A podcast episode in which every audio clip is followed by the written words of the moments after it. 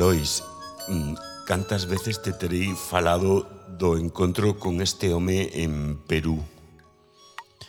Dúas, polo menos, tres, por aí, sí, seguro.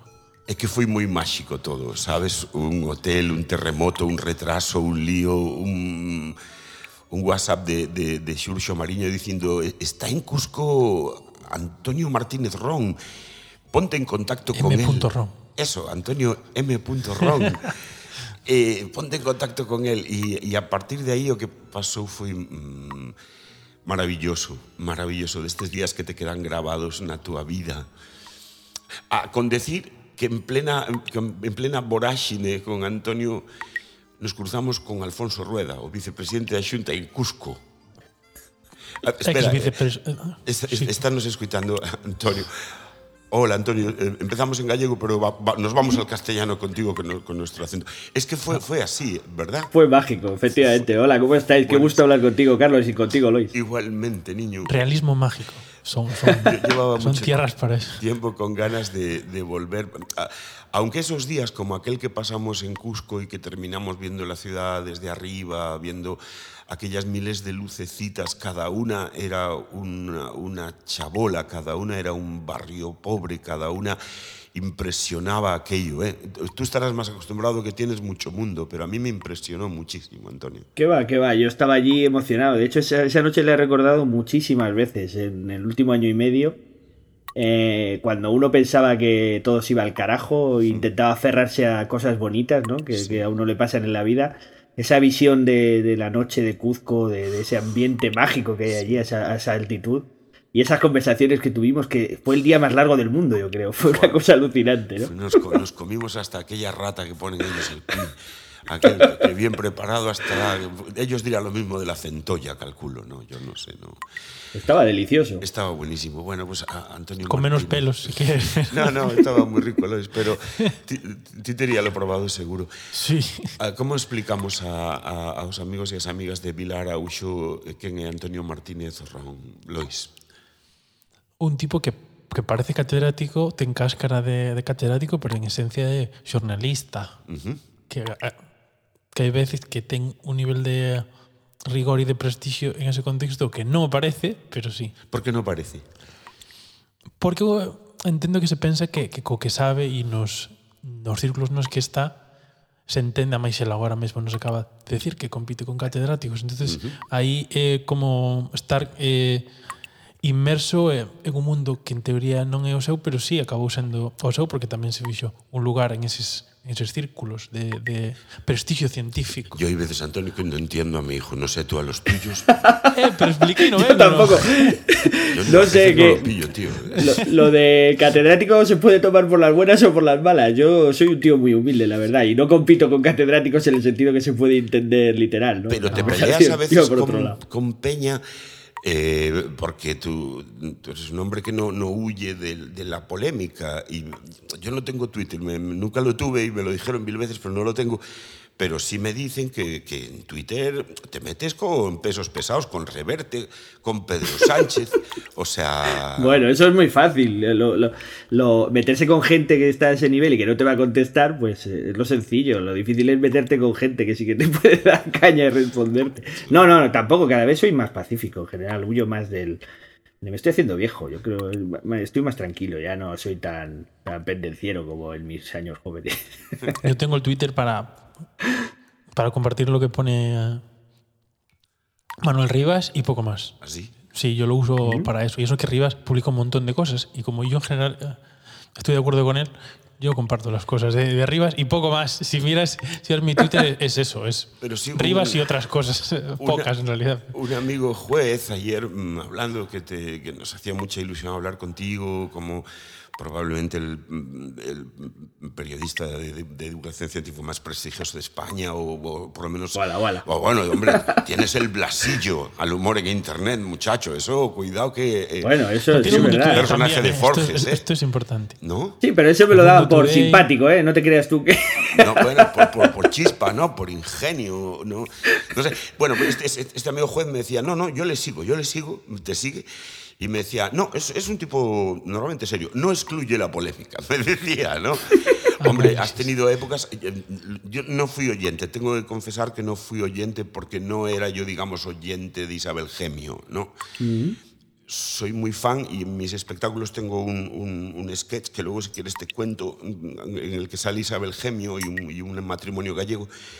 Pero tú ahí, en aquel programa eh, de Isabel Gemio, te enfrentabas a un peso pesado, ¿no? Eh, a a que era, a- este era a, a Sánchez, Sánchez Dragó.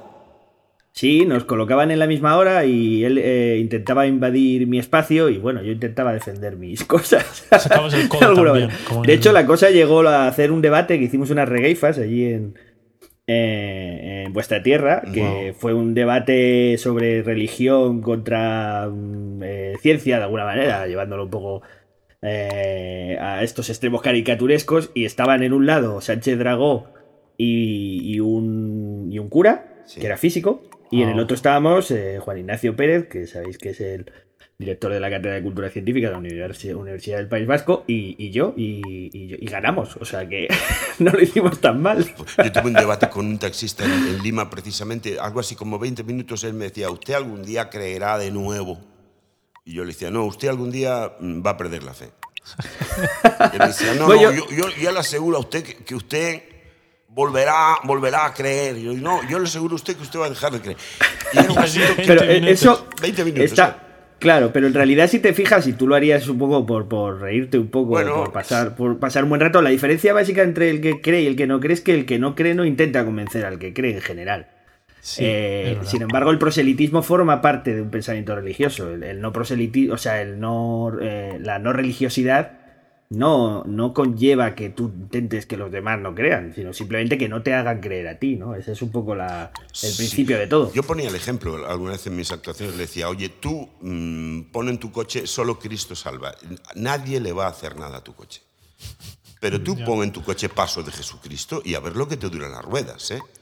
O pon Ya, la- es que o- se predican unas cosas y- independentista catalana. Es o- así. sí, o- No. Sí, y lamentablemente vivimos en un mundo cada vez más polarizado en todo, en religión, política, cualquier cosa, cualquier asunto. Por eso yo en Twitter os decía que cada vez soy más calmado y rehuyo, rehuyo las polémicas, porque está tan enrarecido el tema que a veces yo prefiero morderme la lengua que contribuir un poco más a, a toda esta crispación, porque esto, eh, no quiero ser profeta ni, ni, a- ni agorero, pero estas cosas desembocan en, en cosas feas, lo sabemos por la historia. Y, y si luego miras atrás a tu expediente y, y piensas, yo ayudé a que esto estallara, eh, no me sentiría cómodo. Y en cierta manera por eso me, con- me- me contengo y a veces prefiero no, no opinar sobre cosas donde tengo una opinión bastante clara, pero, pero que lo único que haría es agitar más el, el avispero y realmente creo que toca pensar más fríamente, ¿no? En general, de todas partes, de unas y de otras, porque si no acabamos a hostia limpia. En ¿no? eso ayudó un poco la pandemia, cuando eh, la gente te preguntaba y te decía, es que, oye, mm, que hablen los que saben de esto, yo, yo no sé, ¿sabes? Ese señor americano al que puteaba Trump, ¿no? Ese, ese personaje. Fauci. Este señor. Los que saben de estas cosas, porque... Y tú fuiste muy, muy, muy, activo al principio, sobre todo. eh, fuiste de los primeros que lo vio venir, cuando amigos, incluso científicos, decían, a ver, Antonio, A tú, tú decías, no- cuidado, que esto es serio. Lo, lo viste venir con, con claridad, Sí. ¿no? Bueno, no te creas, eh, si se mira con perspectiva, o sea, eh, de manera pública yo empecé a preocuparme eh, finales de febrero, principios de marzo, pero yo tenía una alerta interna también como hipocondríaco que soy, ¿no? Desde el principio de, a finales de enero recuerdo perfectamente sensaciones, ¿no? Y decir, uy, qué, qué pinta más fea tiene esto, la cosa se estaba poniendo peor en China y cuando ya llega a Italia y empiezo a hablar con amigos italianos, que eso ya sea a finales de febrero, ahí yo ya empiezo a tener todas las alertas encendidas, pero escucho a las autoridades, hablo con los expertos, con los que más sabían de aquello y realmente yo confío en lo que dicen ellos, no en mi intuición. Y hubo un momento en que empezaba a haber demasiadas contradicciones y, y ya todo se desató como se desató, pero realmente, eh, digamos, si te pones a mirarlo, pues, pues fue cuestión de unos días, todo el mundo se dio cuenta en esos días, no, Sí. no hubo un, no hubo un adelanto ahí que, que dijeras. Y, rea- y, mirando hacia atrás todo el mundo tiene razón, incluso los que no la tenían. He visto casos increíbles, ¿no? De, de cambiar las versiones de lo que habían dicho en su momento. Los que decían que solo era una gripe, luego empezaron a llamar solo gripistas a los que habíamos dicho que no era una gripe. O sea, una cosa eh, absolutamente demencial. Pero bueno, mejor no, no escarbar porque ahí ha habido gente muy, muy violenta y muy experiencias muy desagradables, con gente que ha intentado hacer campañas de desprestigio contra todo el que se moviera y demás.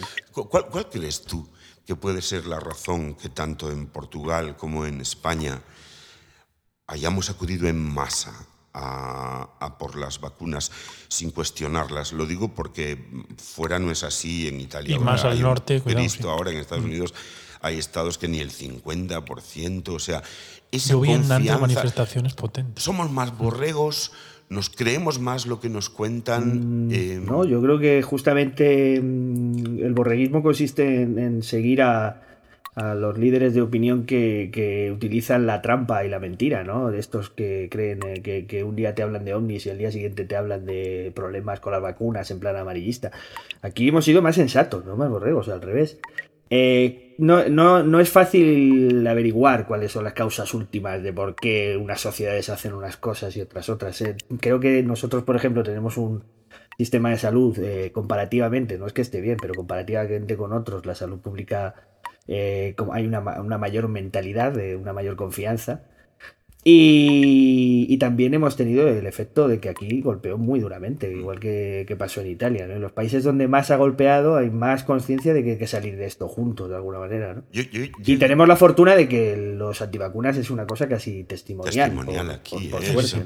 es, casi, bueno, vos y cuatro más. Pero no, a mí una vez me dieron un argumento de por qué los italianos al principio aceptaban mejor las eh, los confinamientos que nosotros y decían la mamá. Si la mamá decía en casa, en casa, ¿sabes, Antonio? Claro, sí, por eso, todo cuenta, ¿no? por eso elegimos un poco empezar contigo en este búnker, en este lío, eh, un poco desconectados del resto, pero nos vamos a ir al jardín que, ah, se, estará bien, si te parece. Y la primera elección musical que, que, tuviste fue... Es el Surfing Bird. El Surfing Bird. Surfing Bird. Yo no sé qué es. ¿Qué, ¿Qué, es el Surfing Bird, Antonio? Pues para mí es una música que tiene mucho significado. Forma parte de la banda sonora de La Chaqueta Metálica. Es un tema. Por eso también la conozco yo. es, ahí, lo tenéis. es esta, es cañera, eh. Cuidado. Dale, dale, dale, dale.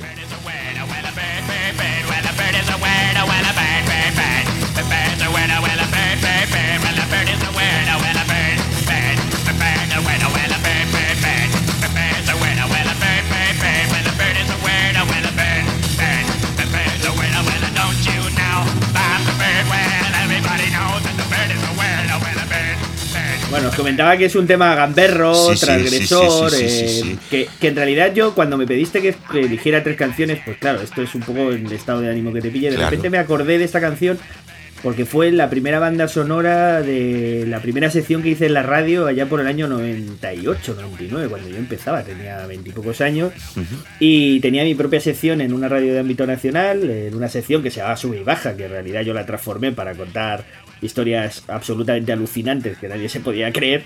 Y, me trae muy buenos recuerdos de aquella época, ¿no? De aquellos años en los que, A mí me lleva más atrás, claro, yo soy más viejo.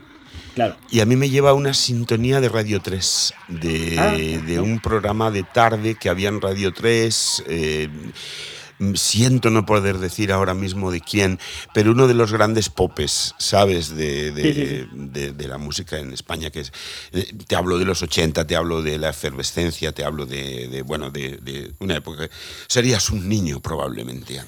sí, porque mi referencia no, no, era Radio 3, cuando yo elegí esta canción era por, por la chaqueta metálica, precisamente, y porque me parecía, me daba muchísima vidilla escucharla, ¿no? Era una sensación, es también en un momento de la película en el que cambiar el ritmo completamente, ¿no? De, la historia y, me gustaba el rollo transgresor, ¿no? El de vamos a liarla. Eh, además era un programa que era la, mi sección entraba a la una de la madrugada y estaban todos medio dormidos porque era una tertulia política y entonces entraba el loco, el chaval que no tenía límites y, montaba allí un, buen pifostio, ¿no? E-, eres de Kubrick.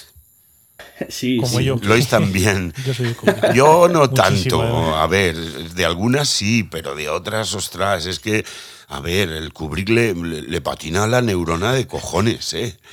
Esa es la gracia, ¿no? A mí me parece que es un raro y eso en cine es impagable, ¿no? La, forma de pensar de él, las, la manera de asomarse a la realidad de Kubrick es, es única y es, y tiene un valor, cada una de sus películas además es un, un universo distinto, no Sí. se repite a sí mismo, ¿no? Sí, es verdad. Y- Así tardaba y- también. De hecho, una de las Claro, cosas claro. que le fastidiaba era no, no hacer más pelis, pero claro, se leía 20.000 libros para hacer una. Entonces, A mí me fascinan estos tíos, Antonio, que, que yo creo que son, que son artesanos. eh, El, el, el- el español, el del espíritu. Erice, ¿no? Ah, sí, sí. Erice que hace dos, dos películas, bueno, El tres, porque de la colmena, ¿no? Y El Sol del Membrillo, que es una maravilla, Sí, es una maravilla, sí. Sí, sí. y luego publicidad para ganarse la vida, así para... No, claro. Bueno, tú para ganarte la vida tienes que ser un, un freelance, vivir en tu casa, organizar tu tiempo, que no debe ser muy fácil. Y, y fuera de micrófono te preguntábamos por un, por un podcast al que queremos mucho, porque nos gusta mucho. Y desde este modesto podcast estaría muy bien recomendar un gran podcast, que es Catástrofe Ultravioleta, ¿no? Un currazo de la leche, por decirlo así, Antonio, ¿no? Sí, es un pequeño objeto artístico, periodístico, artesanal que cuesta mucho hacer. Es casi como un mecanismo de engranaje todos los guiones y tiene muchísima muchísimas semanas de trabajo, ¿no? Entre que consigues hablar con las fuentes, luego hacer los guiones. Los guiones no son un guion estándar en el que, bueno, haces una entrevista y se emite más o menos entera, sino que digamos que están troceados y medidos al milímetro, más luego la producción de Javi Álvarez con su producción de, de ambientes sonoros, que es la música es original compuesta por él. O sea, está, está todo muy, muy pensado, muy, muy medido. Cuando nos pusimos a hacer un podcast, la idea era hacer, hacer eso, ¿no? Porque me acuerdo que Javi Peláez me decía, vamos a hacer un podcast, me insistió bastante tiempo, ¿no? Que él ya llevaba, es uno de los veteranos, el uno del podcast en, en España. Y yo escuchaba mucho un modelo que sigo enamorado de él, que es el de Radiolab, que es un programa de la radio televisión pública estadounidense. Y, y quería hacer algo que fuera, eh, que aspirara a ser no tan bueno, porque es imposible igualarle, claro, yo soy mucha gente, pero que por lo menos tuviera la aspiración de hacer algo que no fuera solo un podcast de unos amigos hablando delante de un micro, sino algo muy trabajado desde el punto de vista casi dramático, ¿no? O sea, que fuera una pequeña, eh, pf, eh, ¿cómo te diría? Una dramatización casi de, de- casi como una radioserie, ¿no? que tuviera sus momentos incluso de ficción y demás. Y eso es lo que intentamos. Fuimos, a medida que pasaban los capítulos, fuimos dándole forma y viendo qué queríamos hacer de verdad, como pasa siempre, ¿no? Mira, antes, antes, Y- cor- sí, antes cortamos un trocito de catástrofe ultravioleta, mm, porque esta semana estuvimos oyendo algunos. ¿Lo tienes ahí, Roy? Para que se escuche un poquito, mira. Estás escuchando Catástrofe Ultravioleta, un podcast de otro mundo. De esas voces que acojonan, ¿verdad? Esta es la famosa voz de la cadena SER. Esto ya es en la tercera temporada con Podium Podcast. Y que ha sido un placer trabajar con ellos porque son muy profesionales, da gusto, ¿no? Pides una cosa de un día para otro y prácticamente, vamos, tienes una respuesta profesional inmediata, limpia, bien hecha, ¿no? Y eso, eso siempre se, se agradece. Y, y nada, nosotros lo que sobre todo no queremos es dejar de divertirnos haciéndolo, ¿no? Y ese es un poco el espíritu de, de ese podcast. Mira cómo suenan los grillos. Sí, los grillos están ahí de fondo, ¿no? No, nosotros el, el nuestro lo tenemos como para muchos años. Es un asunto de, de- de mi hijo y mío y, para darnos el lujazo de hablar contigo, por ejemplo, ¿sabes? Oye, pues eso, Que- el lujo es mío, ¿eh? Que es una disculpa que la ayuda, porque Antonio además eh, es uno de los organizadores de, de Naucas, ¿no? Y es- expliquemos lo que es Naucas para quien no, no lo sepa, Antonio, por favor. Pues mira, Naucas nace como una web en la que tres amigos empezamos a hacer, a unir fuerzas de alguna manera, pero como en el cuento aquel o como, como en la canción de un elefante que se balanceaba y llamó a otro elefante, eh, empezamos a llamar a otro divulgador y otro amigo, otro periodista y juntamos una red de colaboradores de 120 y pico colaboradores de, de toda España y de Iberoamérica.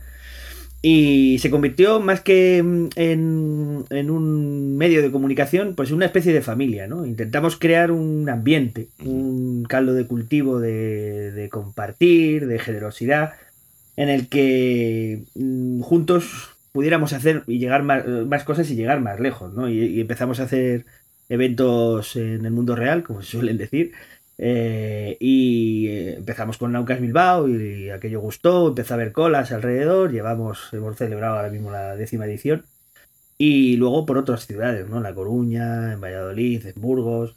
En, eh, vamos a hacer próximamente uno en el sur de, de, España que ya anunciaremos. En fin, por todo, por todo la península e intentaremos ir a Canarias, donde es Javi Peláez también en algún momento de nuestras vidas. Pues... Y, y real, realmente el valor es eh, de Naucas es, es, el haber construido una especie de plataforma de, de contacto y de apoyo entre, entre, los propios comunicadores de la ciencia. ¿no? Quien tenga curiosidad, bueno, hay 100.000 vídeos eh, de Naucas mmm, interesantísimos a los que puede... En naucas.com está aquí. En naucas.com tenéis todo. Estoy viendo, Valladolid estaba petado el teatro. por, por, por, otro lado, aquel documental en, en, tres partes tan interesante, Roy, Roy, nuestro técnico, estaba fascinado explicándonos hoy lo del microchip en el cerebro, el mal del cerebro, que por cierto, tenemos entendido que tienes un documental hecho sin estrenar y esperando que tenemos contactos. Pues, pues, vamos a publicarlo próximamente online si todo sale bien. Porque, y esto es una primicia que te doy, las televisiones no han querido porque era demasiado científico. Toma. Eh, oh. ya veréis cuando veáis el documental si tenían razón, si tenían razón o no. Es un documental que nos llevó cinco años de trabajo. Se llama Vida Extra. Es también sobre. Es una especie de spin-off de, del mal del cerebro. Sobre neurociencia y en el que el protagonista es la plasticidad del cerebro. Y bueno, hicimos un esfuerzo bestial con el equipo de 93 metros, con Adriano Morán y David Tesouro, que hemos sido un poco los tres que hemos estado ahí pedaleando eh, fuerte con, con, el tema. Y, y, finalmente, justo cuando íbamos a estrenar y habían comprado los derechos y llegaba el momento de venderlo en festivales, llegó la pandemia.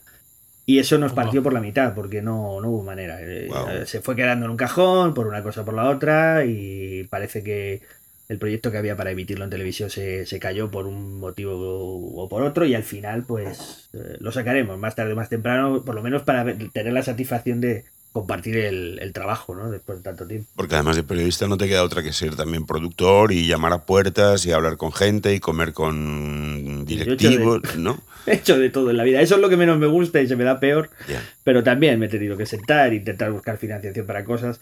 Eh, de lo cual intento huir lo máximo posible porque realmente es que no se me da claro. bien. No, no, es que no, no, se te puede dar bien todo, muchacho, ¿no? De, pero hablábamos, Luis y yo, de por qué elegiría Luis mmm, la, la, ciencia, por qué no, no fue periodista deportivo, ¿no? Sí, lo pensábamos antes, podíamos hablar de, hombre, de Gaby o de la, de, de la Leti, o... ir, al, ir, al, ir al Calderón, allí al cantar bueno. el, el alirón y correr la banda con, con Simeone, no, no sé, ¿no? no, tengo una pequeña pelea con los periodistas deportivos que tengo muy buenos amigos, pero siempre les estoy picando, ¿no? Diciendo que lo suyo. Nada, les digo que lo suyo es espectáculo. Ya. y realmente tienen. Eh, o sea, hay grandes periodistas deportivos, pero realmente tienen un problema de que. Y lo tiene también el periodismo a nivel político y demás, de que cada vez se ha convertido más en un producto de consumo rápido y un poco para llamar la atención y conseguir audiencias a toda costa que en, que yeah. en el verdadero esencia de esto. ¿Por qué soy periodista científico? Es un misterio, bueno, a lo mejor, o a lo mejor era un destino, no lo sé. Porque yo no empecé como periodista científico, yo eh, estudié periodismo, empecé a trabajar la radio, era mi pasión. Uh -huh. eh, siempre antes de, de, estar apasionado por el periodismo, mi gran pasión fue la literatura y en concreto la, la poesía. Yo era un, uh -huh. un alma inquieta. Y, y, realmente yo trabajé como editor de Nacional y de Sociedad durante bastantes años de, de, mi carrera, pero ya desde el 2000, cuando hacía esta sección que os hablaba antes, ya apuntaba maneras, ¿no? Y la ciencia siempre fue pues una cosa que siempre mantenía, siempre me interesaba, siempre estaba leyendo, documentándome, haciendo entrevistas. Empecé un blog en el año 2003 que se llamaba Fogonazo, sí. que lo llamé, lo llamé Asombros Diarios, y casi accidentalmente fui escribiendo como, como lo que escribiera sobre la chispa de las cosas que más me sorprendían, pues terminaba siempre el territorio de la ciencia, que es la que se mueve ahí en ese terreno de lo, de lo nuevo, de lo, de lo que está a punto de, de saberse o casi se sabe, ¿no? Y demás, y al final eh, en las redacciones donde estaba me decían, ¿por qué no haces, por qué no te ocupas de la ciencia? Yo me enfadaba porque yo me dedicaba a lo mío y decía, ¿qué pasa? ¿qué pasa? ¿Que lo mío no lo hago bien? Y, y tardé, tardé en dedicarme, digamos, de manera especializada al periodismo científico, pero desde luego es una de las mejores cosas que hice en el 2009, por ahí, a partir de, de ese momento. Sí, no sé, además si, si ahora, justamente en, en, este año y medio, no sé cómo calificar, yo siempre me quedo con, no sé si, si recuerdas, cuando nos encerraron en casa, Yo vi un, ¿Cuál de las veces? La primera, cuando nos metieron con llave, ¿no? Y, y ha- había un, un niño catalán que estaba viendo la tele, debía ser temprano por la mañana, los padres dormían y él estaba viendo la tele catalana y salía un sol y, y, y una voz así de estas alegres decía Bon dia, nens, avui tenim un dia ple de sol i de felicitat. Y el niño decía, una puta merda. No, una puta merda. No. Qué bueno, era un vídeo, ¿no? Sí, sí, era de estos virales y yo dije, es que no se puede expresar mejor. O sea, que te cuenten la batalla que quieran es una puta mierda, ¿no? El niño era un poeta el viernes. ¿No? Y, y- pero no sé si, si precisamente cuando echábamos mano, yo, yo no sé tú, Luis, yo buscaba diariamente datos fiables, ¿no? Mm, ¿Sabes? De gente que, que me, que me pareciera fiable, ¿no? Pero sí que es complicado. A mí me pasa ahora que busco el, el periodismo en determinadas fuentes específicas de las que por lo que sea te fías. Ya. Eh, Claro. Y vas allí y enlazas por ese lado, porque sabes que esa fuente concreta no te falla. Porque si te, si te pones a mirar cosas en general, te pierdes en la Te masa de loco. tal. Y es muy complicado ser objetivo con, con algo. Entonces hay que ir a lugares. Vale, que ahora hay fuentes. O sea, está la red, están los blogs, está el, el Twitch, está el hay, hay un poco de. Sí, Un de yo creo todo, que ha habido un cambio, un cambio fundamental que es que nos han movido el suelo debajo de los pies el Sí. terreno de la información. Digamos Sí. que la- antes había una verticalidad, ¿no? Los grandes medios eran los que tenían la hegemonía de la credibilidad, de la información y demás. El país. Y eso, el- claro, con las redes sociales y con el nuevo escenario cambió radicalmente y ahora la gente pues tiende a informarse más por personas de las que se fía, ¿no? De periodistas concretos o medios concretos o secciones concretas. Además tiene la capacidad de poder elegir y no te tienes que leer, comprar todo el periódico para leer al, al- al autor que a ti te que a ti te interesa. Ahora con el modelo de suscripción quizás sí, ¿no? Volvamos un poco a eso. Pero la tú tienes uno, credibilidad... por cierto. Tienes una. Sí, newsletter. bueno, yo empecé, yo empecé una Ahora. newsletter, eh, fíjate, con vistas a- al día en que estallen en pedazos en la burbuja de las redes sociales, ¿no? Porque Me- me- hay me- demasiado odio y Perdón, algún día tendremos... ¿Qué es una newsletter? Yo pues lo es, digo así. es una cosa muy antigua, es una carta diaria por email, no tiene, no Boletín, tiene más. boletín por mail. Ah, y eso, Sí. bueno, claro, newsletter, claro. Sí. Ajá. Claro. Y esto es Sí. lo moderno. No, bueno, en realidad es antiguo, pero está volviendo ahora mucho. Está volviendo eh, mucho. Volverán las sombreras, ya verás. Seguro. Pero ¿sabes por qué? Yo en mi caso, yo en mi caso concreto he he recurrido a- al boletín Catacroker, que invito a vuestros oyentes que le echen un vistazo y si se quiere suscribir, que es gratis, que lo hagan. Boletín. Catacroc. Cat- Que Es un Catacroker. gran nombre. Catacroker. Ya solo por el nombre tenéis que, que suscribir. O sea, ya apetece también. el boletín Catacroker. nombre Sí, ya es- es- tiene un plus. Básicamente cada mañana intento compartir con el resto de la humanidad aquellas cosas que veo a diario, que se pierden en el limbo normalmente, pero que a mí me hacen estallar la cabeza, ¿no? Cosas que descubro y que me van pareciendo alucinantes y que por que no se pierdan, pues aquí como una especie de boletín de apuntes cada mañana la comparto con el personal para que para que disfruten tanto como yo, si, si es posible, y empiecen el día con una sonrisa, con ganas de conocer más cosas y demás, ¿no? Y lo, lo empecé básicamente porque en las redes sociales ya hay demasiado ruido, ¿no? Hay tanto Sí. discurso del odio, cualquier cosa se malinterpreta. Y, y esto es una vuelta al modelo tradicional. es Yo te cuento una historia, además te la cuento con un tono que no es el mismo del blog, porque mi blog Fogonazo sigue activo, pero realmente la gente ya no lee blogs porque mm, la- los feeds y digamos ya no les llegaba diariamente ni lo miran a diario.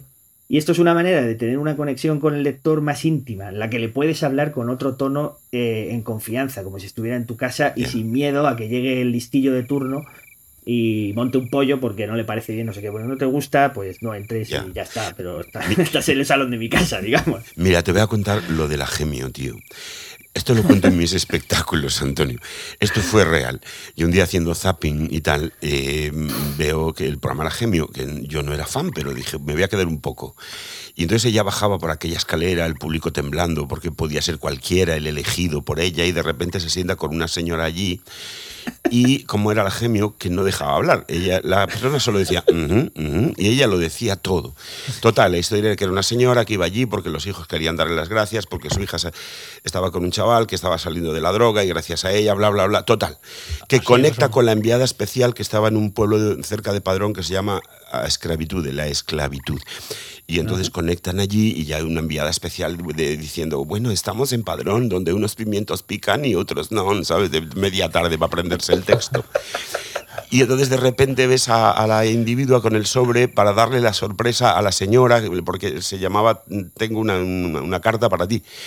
Y entonces llama a la puerta y sale la señora, pero completamente de peluquería, sacándose el mandil y debajo un traje de, de lentejuelas diciendo, ¡ay, qué sorpresa tan grande! ¿Sabes?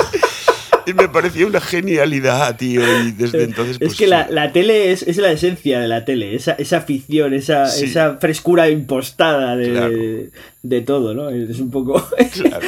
el mensaje todo montado, pero disimula completamente. Sí, sí. sí el, todo el, tiene el, que parecer real, pero en realidad es una es una es, un montaje que lleva 40 tíos allí, es un rollo patatero. Yo odio la televisión, la que me da la oportunidad de decirlo. Pues lo acabas de decir. Vamos a cambiar de aires y entramos en el último tramo ya de nuestra conversación. Nos vamos a meter para adentro, que creo que dan lluvia, Antonio. Lo vamos a hacer con un... ¿Cuál es la segunda canción que nos pidió? Yo me sé la tercera. Pues es un temazo, Creep. Creep. Claro. Creep. Un clásico. ¿Esto es de? Radiohead. Radiohead. Vale, Radiohead. Eh, Creep.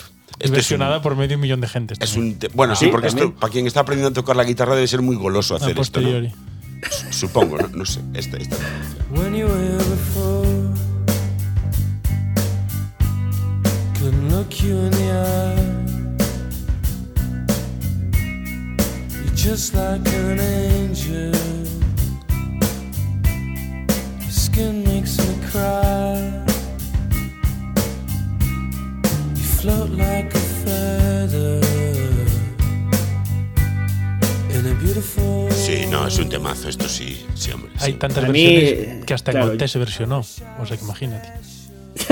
¿Quién se versionó? Sí, ¿Quién? Sí, sí. Alba Reche, en 2018 creo. ¿Quién es Alba Reche? Una... Un central del Bilbao. Una broma, no. ¿No? Pasó eh, en la final de OT de, de 2018. Ah, bueno, es que mi hijo, mi hijo siguió OT, no te pierdas este detalle anterior. Es verdad, esta no me la sabía. Esta tiene sus cosas. A mí esta canción la elegí porque me... No, no, sé muy bien cuál es el motivo, quiero intuirlo, porque la época en la que esta canción aparece eh, de estos genios llamados Radiohead es el año 93, son los años en los que yo tenía, pues eso, 20, 20 años, o sea, estaba en, en, el momento un poco antes, ¿no? Incluso 15, 16 años, pero yo empecé a escucharla un poco más tarde y lo asocio con aquella época de mi vida maravillosa en la que estaba en la universidad y además con el mensaje de, yo creo que es un poco el himno de todos los incomprendidos o los que creemos serlo, ¿no? Eh, inadaptados. Más que pasa, ¿no? Claro, sí, claro. Más, más, más, que incomprendidos, inadaptados, ¿no? Los que, what the fuck I'm doing here, o qué coño estoy haciendo aquí. Realmente me lo pregunté muchísimas veces y todavía ahora de vez en cuando me surge la pregunta, ¿no? Me siento un marciano entre yeah. en un mundo rarísimo, ¿no? En el que el raro soy yo, pero en realidad a mí me gustaba yo diría un, que no. A mí me gustaba no. una pancarta que había en la, en la Mani del Orgullo en Madrid que llevaba una niña pequeña y ponía raras somos todas. ¿Sabes? Chata. Y, y, hay una canción maravillosa de, de Caetano Veloso que dice que de, de perto ninguén es normal, de cerca nadie es normal. Y yo me quedaría, mi, mi himno de inadaptados es de Joao Gilberto y se llama Desafinado, ¿no? Porque, claro, sí, sí. Pues sí, que... ese es un poco el mismo rollo, por lo menos claro. el que a mí me inspira, ¿no? Cada uno de la canción le, le remitirá a una cosa. Y a mí esta es de las que me, uf, me toca súper dentro. Cuando la oigo me tengo que aguantar, ¿sabes? Esta y Switch Alone Mind de los Guns N' Roses, que esa no te la pedí. No. Pero que la asocio con un viaje cuando tenía 16 años, con Claro. mis mejores amigos y demás. Y joder, se me ponen los pelos de punta. Es muy difícil aguantarme ahí en las emociones cuando, cuando escucho esa canción. Y fíjate que es heavy metal, ¿no? Pero Sí. bueno. Bueno, pero es muy contenido, ¿no? Es todo ahí como... Los heavies cuando hacen baladitas, cuidado, ¿eh? Claro, lo ponen ojo, todo, sí, ¿eh? sí. Bueno, que le igual pone mucho con- sentimiento. Con rock ¿eh? and roll, pero. ¿Eh? Es Sí, el rock sí, and bueno, roll, tiene que darlo todo. Entonces, Hostia. no te queda otra. Oye, y uno de Barón Rojo que ahora va va por Vox, tío. ¿Cómo te quedas? Oye, ese salto, qué guay. Y Bueno, el, el mundo es así, el mundo es raro, ¿eh? no lo sabía yo eso. ¿eh? Ay, Pues sí, tío. Lo varón rojo. Roy sí lo sabía. Sí, sí, una cosa. En todo caso, queríamos en, en esta última parte, aprovechando que nos recogimos, Antonio, hablar de esa Tenemos faceta de, poeta que, que no sé. eh, ¿Cuándo eres poeta? De, de- que, que tienes 10 minutos libres y entre dices, no, ahora voy a hacer un poema o, o cómo, ¿no? No, bueno, yo eh, soy poeta de espíritu, dejé de escribir poesía, es una de las cosas que más me duelen, ¿no? Y siempre estoy diciendo, mañana mismo empiezo otra vez, ¿no? Pero uno es poeta como, como es de Móstoles, quiero decir, esto se lleva y no se puede uno borrar, ¿no? No Sí. es un carnet que uno tire a la basura. Además lo ves venir, ¿eh? Yo este, desde que nació dije, buah, me salió poeta, tío, ¿sabes? Va en Y- fases también, ¿eh? ¿Cómo que va en fases? Sí. A ver, en mí Bueno. por lo menos, yo hay temporadas que paso un montón sin escribir y porque va por fases eh, vitales para mí. Porque, mm, es decir, yo pasé un tiempo sin escribir porque notaba que seguía escribiendo como adolescente y digo, Mm. no, tengo que esperar a que vuelva eh, el impulso desde otro lugar y no vas a, a escribir igual porque tu mundo interno no es igual. Ya, Y si lo es, mm, preocúpate, ya, tú coincides, Sí. coincides. creo yo. Yo tengo. Yo asocio más, cuando digo que, que me siento un poeta, en, en- creo que es una forma de filtrar la realidad, ¿no? De, de ver el mundo. Eh, y esa tendencia se ve cuando escribes también, ¿no? En encontrar esos momentos de extrañamiento que produce el mundo, de. de- de- de- también de, de belleza, ¿no? De encontrar la belleza en cosas donde otros a lo mejor han pasado de largo.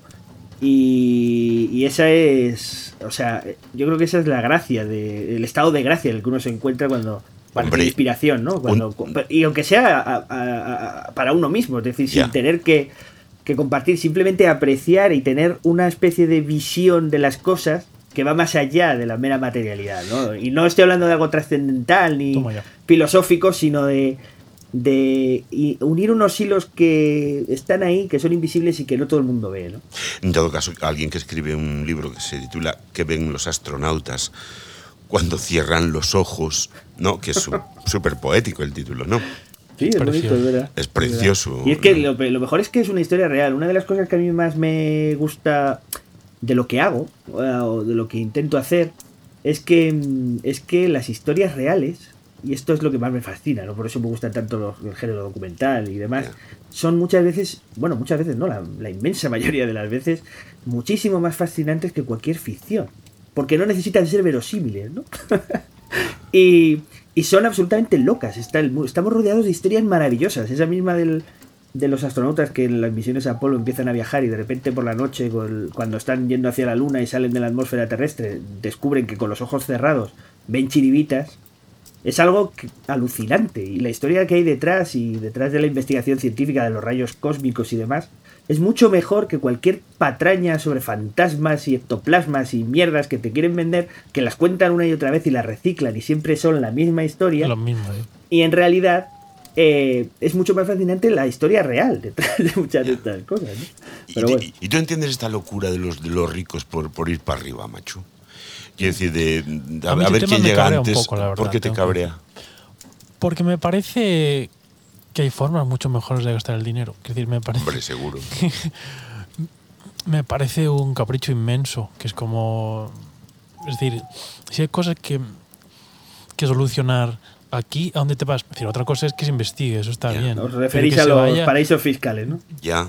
Que se vayan de paseo, a mí me cabrea. Es como... Yo creo que son un... O sea, a mí me da un poco de lástima en general, ¿no? Porque se, se meten en unas vidas, en unos entramados que son mucho más complicados que, que vivir la vida y ser feliz con lo que con lo que ya tienen que es suficiente, ¿no? Y yo creo que, no sé, eh, también será una forma, una personalidad, el buscarse problemas para ahorrarse X dinero y tener más, es una línea de felicidad que yo no acabo de ver. Que a mí siempre me gustan las cosas sin complicaciones, sencillas. eh, no lo sé, pero claro, tampoco tengo 100 millones de dólares. A lo mejor me vuelvo gilipollas si me los das y digo, oh, pues no, me voy a las islas. No creo, a esta altura. Pero igual es eso, no lo sé. A lo mejor es que no soy rico y por eso no lo entiendo. Claro, ¿quién era la viuda de García Márquez la que decía que, que hay vidas mejores pero son carísimas, ¿no?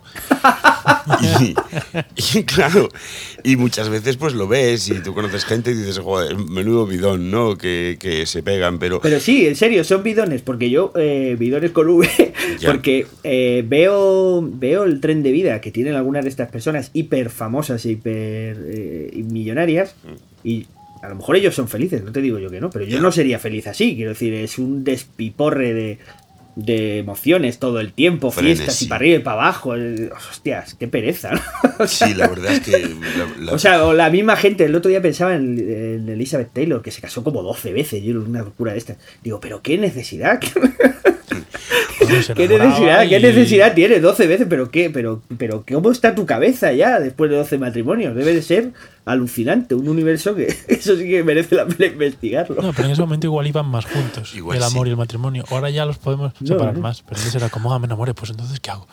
Me caso. y, tu niña Laura, que ya, ya no será una niña la que te inspiró, el papá, bueno, la, que te inspiró y, te ayudó en el guion de papá donde se enchufa el sol, ¿no? ¿Cuánto sí, bueno, ya. ¿Qué años Tiene 14, tiene 14 años. ¿Y qué pregunta ahora, Antonio? Ahora ya. Pues mira, ahora me pide que le pregunte, que le ayude a estudiar y le pregunte las lecciones de física. Oye, pues he estado repasando, por ejemplo. Y no me deja que le cuente rollos. ¿Ah, no? Pues estamos, está hablando de los gases y demás. Y, claro, le pido, le digo, pero tú sabes, ¿entiendes esto porque qué significa la presión y por qué tal? Y bueno, de vez en cuando me meto alguna morcillita y lo agradece pero, pero justita, no quiere que le, enrolle porque le hago un lío. Entonces prefiero estudiar lo suyo, que además es curioso porque le, flipa, ahora le flipa por su cuenta la ciencia. Durante un tiempo después de escribir el libro, un poco que la aborrecía, ¿no? O sea, como, qué rollo, yo quiero hacer otra cosa. La dejé a su aire, o sea, ella, bueno, siempre estuvo a su aire, pero vamos, que, que, dejó de interesarle y de repente en los últimos dos años se enamoró de la física y la química, de las matemáticas y tal, o sea, un poco como si lo redescubriera por su cuenta y, fuera lo que más le motiva de, todo. ¿Y por qué aquí me, aparece mm, en la documentación que me, pasó Lois que así como la, el libro de, que ven los astronautas cuando cierran los ojos, que está en Dracontos, en Planeta, y sin embargo, ¿por qué Papá, dónde se chufa el sol, me aparece fuera de colección? Ah, bueno, es que eh, está dentro de Dracontos, dentro de Crítica, no de Dracontos, sino de la editorial Crítica, que se dedica a la publicación de ensayo. Y este fue el primer libro que Crítica se atrevió a publicar que no era de ese género, sino que era un experimento. Y, con la pretensión de que siguiera una línea. Y de hecho, puedo anunciar aquí en exclusiva que se seguirá. No seré yo el autor, pero esa línea seguirá. Por eso es un libro de crítica fuera de colección, porque no está en Dracontos, que es una colección de ensayo de historia y de ciencia, y claro, un libro como Papá donde se enchufa el sol, pues no va ahí, ¿no? Es, otra, es otra historia, es un experimento, el formato y todo que nos tuvimos que inventar de alguna manera y funcionó muy bien. Se tradujo al italiano, se está negociando la traducción al chino, al coreano. Sí, sí, y bueno, si hay suerte, pues a ver si un día podemos tener ahí una, una, edición en chino, la ilusión que me haría sería inmensa. ¿Y cómo controlas al tipo que te traduce al chino que lo haga bien? Porque no debe ser fácil. Otro amigo chino que diga, yo aquí este matiz no se lo veo en mandarín. Yo no controlo, yo veré ahí los simbolitos y diré que está, pues que está bonito. Será lo que puse yo. Digo yo, sí, bueno, yo me fío, la editorial es un poco el, eh, salvo que no diga ninguna barbaridad en chino y al menos la tercera guerra mundial, yo estoy tranquilo. Esperemos. Eh, los chinos cabreados, cuidado. Sí, cuidado que, los chinos. A mí, a mí te, juro que no me cabe todavía en la cabeza todo el fenómeno chino. Me cuesta este, entender ese capitalismo comunista. Me, me resulta complicado de meter en el cerebro. Había lío en, en, Taiwán estos días. Ya, cuando se juntan los 5.000 robots, que parecen 5.000 robots, que están allí todos aplaudiendo ras, ras, ras, ras. Todos a la vez. A mí me acojona mucho, no sé a ti, pero a mí me... Sí, bueno, es que es un contraste muy grande, ¿no? Entre la cultura oriental, eh, donde el individuo tiene menos protagonismo y es la comunidad, ¿no? Y, sí y la cultura occidental, donde la libertad individual es sagrada y, no estamos dispuestos a renunciar, aunque con la pandemia hemos tenido que renunciar a muchas cosas, pues son dos universos distintos. Es que la humanidad es muy variada. Eh, interpretamos siempre todo con las gafas de Occidente y, y, el mundo es muy diverso. Hay muchas culturas, hay muchas formas de ver la realidad, de ver el mundo, de interpretarlo. Yo soy un fascinado de la antropología, es una de las cosas que de las que más leo en los últimos años y sobre cómo cómo algunas tribus interpretan su génesis y cómo, cómo interpretan la realidad y, ven eh, cómo nos ven a nosotros también. ¿no? Eh, hay una cultura en concreto en Colombia que se llaman los Kogi, que, consideran que somos el hermano pequeño y que somos un poco la oveja descarriada de... ¿Ah, sí? sí, es fascinante estoy, estoy leyendo ahora justo sobre ella. Hay un documental muy bonito que, va sobre este tema, sobre un periodista de la BBC que trabaja con los Kogi durante unos años y ellos son un, un poco el último reducto porque quedaron en una sierra en Colombia de alguna manera aislados mm. y, y ellos eh, en su, digamos, en su su forma de ver, de interpretar la, la realidad, creen que son los, los últimos cuidadores de- del planeta, ¿no? Y intentan man- mandar un mensaje al hermano pequeño que somos nosotros de que estamos jodiéndolo todo y que no nos va a ir bien por ahí, que lo tienen que parar, ¿no? Y, y bueno, son un- una cultura absolutamente fascinante. O sea, es. Yo me quedé flipado ellos, con el programa que hicisteis sobre Siberia, eh, con lo que contaban aquellos dos locos que se iban a, a conocer las últimas tribus nómadas en sitios a menos 50 grados. Yo pensaba en Kinso, mi amigo de la isla, que nunca tiene frío y que le vamos a regalar un billete solo de ida a Novosibirsk cuando se jubile. Y no, me, debería estarlo ya, pero bueno. a mí todo eso me... La, la última parte de la entrevista iba un poco, no, no tanto sobre ti, sino sobre las personas con las que has podido hablar, porque yo imagino que... ¿Con cuántos premios Nobel has podido hablar, Antonio? Pues, unos cuantos. Muchos. No, no llevo la, la cuenta, pero sí, sí, claro. Y, y algunos son fascinantes y otros también te confieso que son gente muy aburrida. Ya, ya, ya, claro. depende, depende. En general son gente interesante porque tiene mucha, mucha vida detrás. Se ha investigado ámbitos de la realidad que son muy específicos y, y ha llegado muy lejos, ¿no? Y la gente que a la que reconoces con un premio así tiene eh, las ideas mucho más claras que el resto de, de los mortales, ¿no? Y- ¿Puedes citar alguno visto- que te fascinara? pues, eh, pues así a bote pronto, me acuerdo de Jack Sostak, me impresionó mucho que investiga sobre el origen de, de la vida, estuvo fue premio Nobel de Medicina y me estuvo contando cosas sobre las vesículas y, cómo podría haber sido las primeras formas ¿no? que habitaron que habitaron la Tierra y la combinación, no sé, ahora mismo así también me impresionaron mucho las, las entrevistas con los astronautas, fíjate del Apolo, tuve la ocasión de estar en un festival que se llama Starmus y, y ahí tuvimos ocasión de estar con Aldrin y con el propio Armstrong, antes, unos años antes de que falleciera, que era un tipo absolutamente alucinante. ¿no? Estábamos en aquel congreso que llegaba Aldrin como una estrella del rock and roll con su chaqueta de cuero, los flashes, los Sí. fotógrafos y tal. Y de repente. Jagger eh, de sí, los sí. astronautas. Y Armstrong, que tendría motivos para ser mucho más engreído que el propio Aldrin, porque está considerado como el gran pionero. ¿no? El que pisó. Eh, sí, eh, bueno, llegó allí que parecía un jubilado de venidor, no se le veía, iba con su mujer y, y nos dimos cuenta unos cuantos de que estaba allí, pero no se había hecho notar. Eh, estaba mirando allí los, los cuadros de las conferencias y tal. Y luego vino con nosotros en el autobús, o sea, una persona sencillísima, amabilísima, o sea, un tipo absolutamente extraordinario, ¿no? Y, y el resto de astronautas igual, unos tipos que han tenido la ocasión de, de tener ese efecto overview que llaman los americanos, esa panorámica de la Tierra, desde lejos que según cuentan todos te cambia la vida, ¿no? Una vez que ves lo insignificantes que son nuestras mierdas cabeza, diarias, sí, eh, empiezas a pensar en otros términos. A algunos de los astronautas del Apolo se les fue la olla del todo. Claro. Terminó por ahí pintando y creyendo en extraterrestres, bastante perjudicado.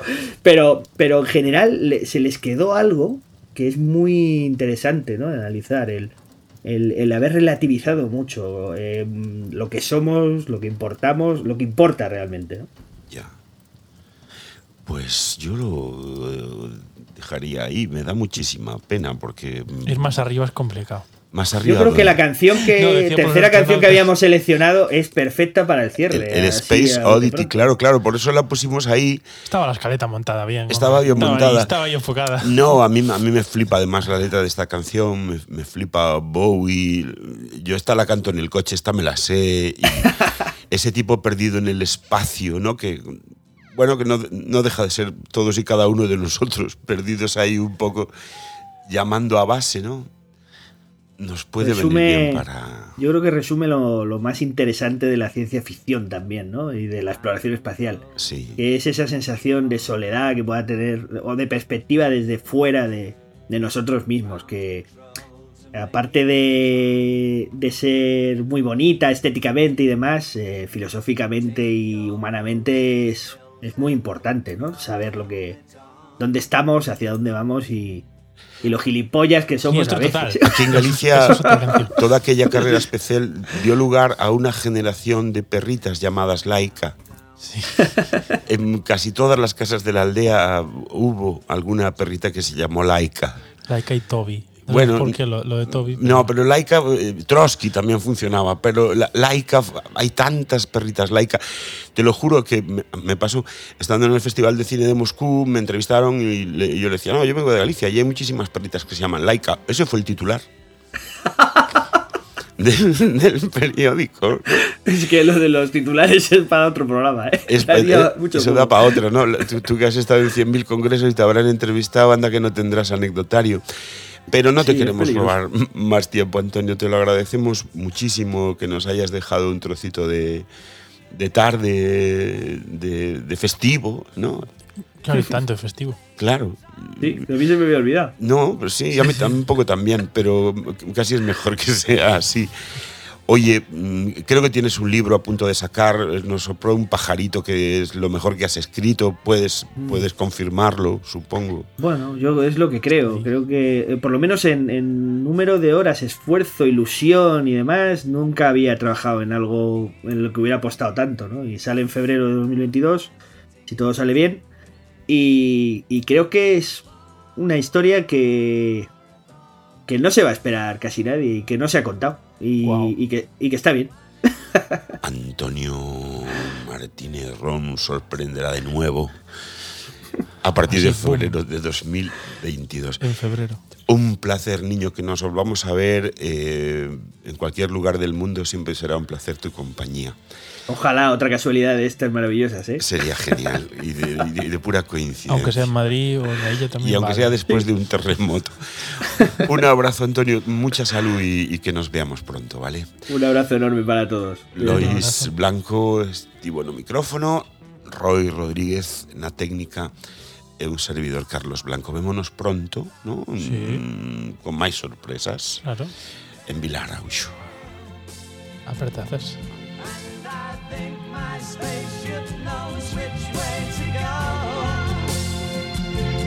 Tell my wife I love her very much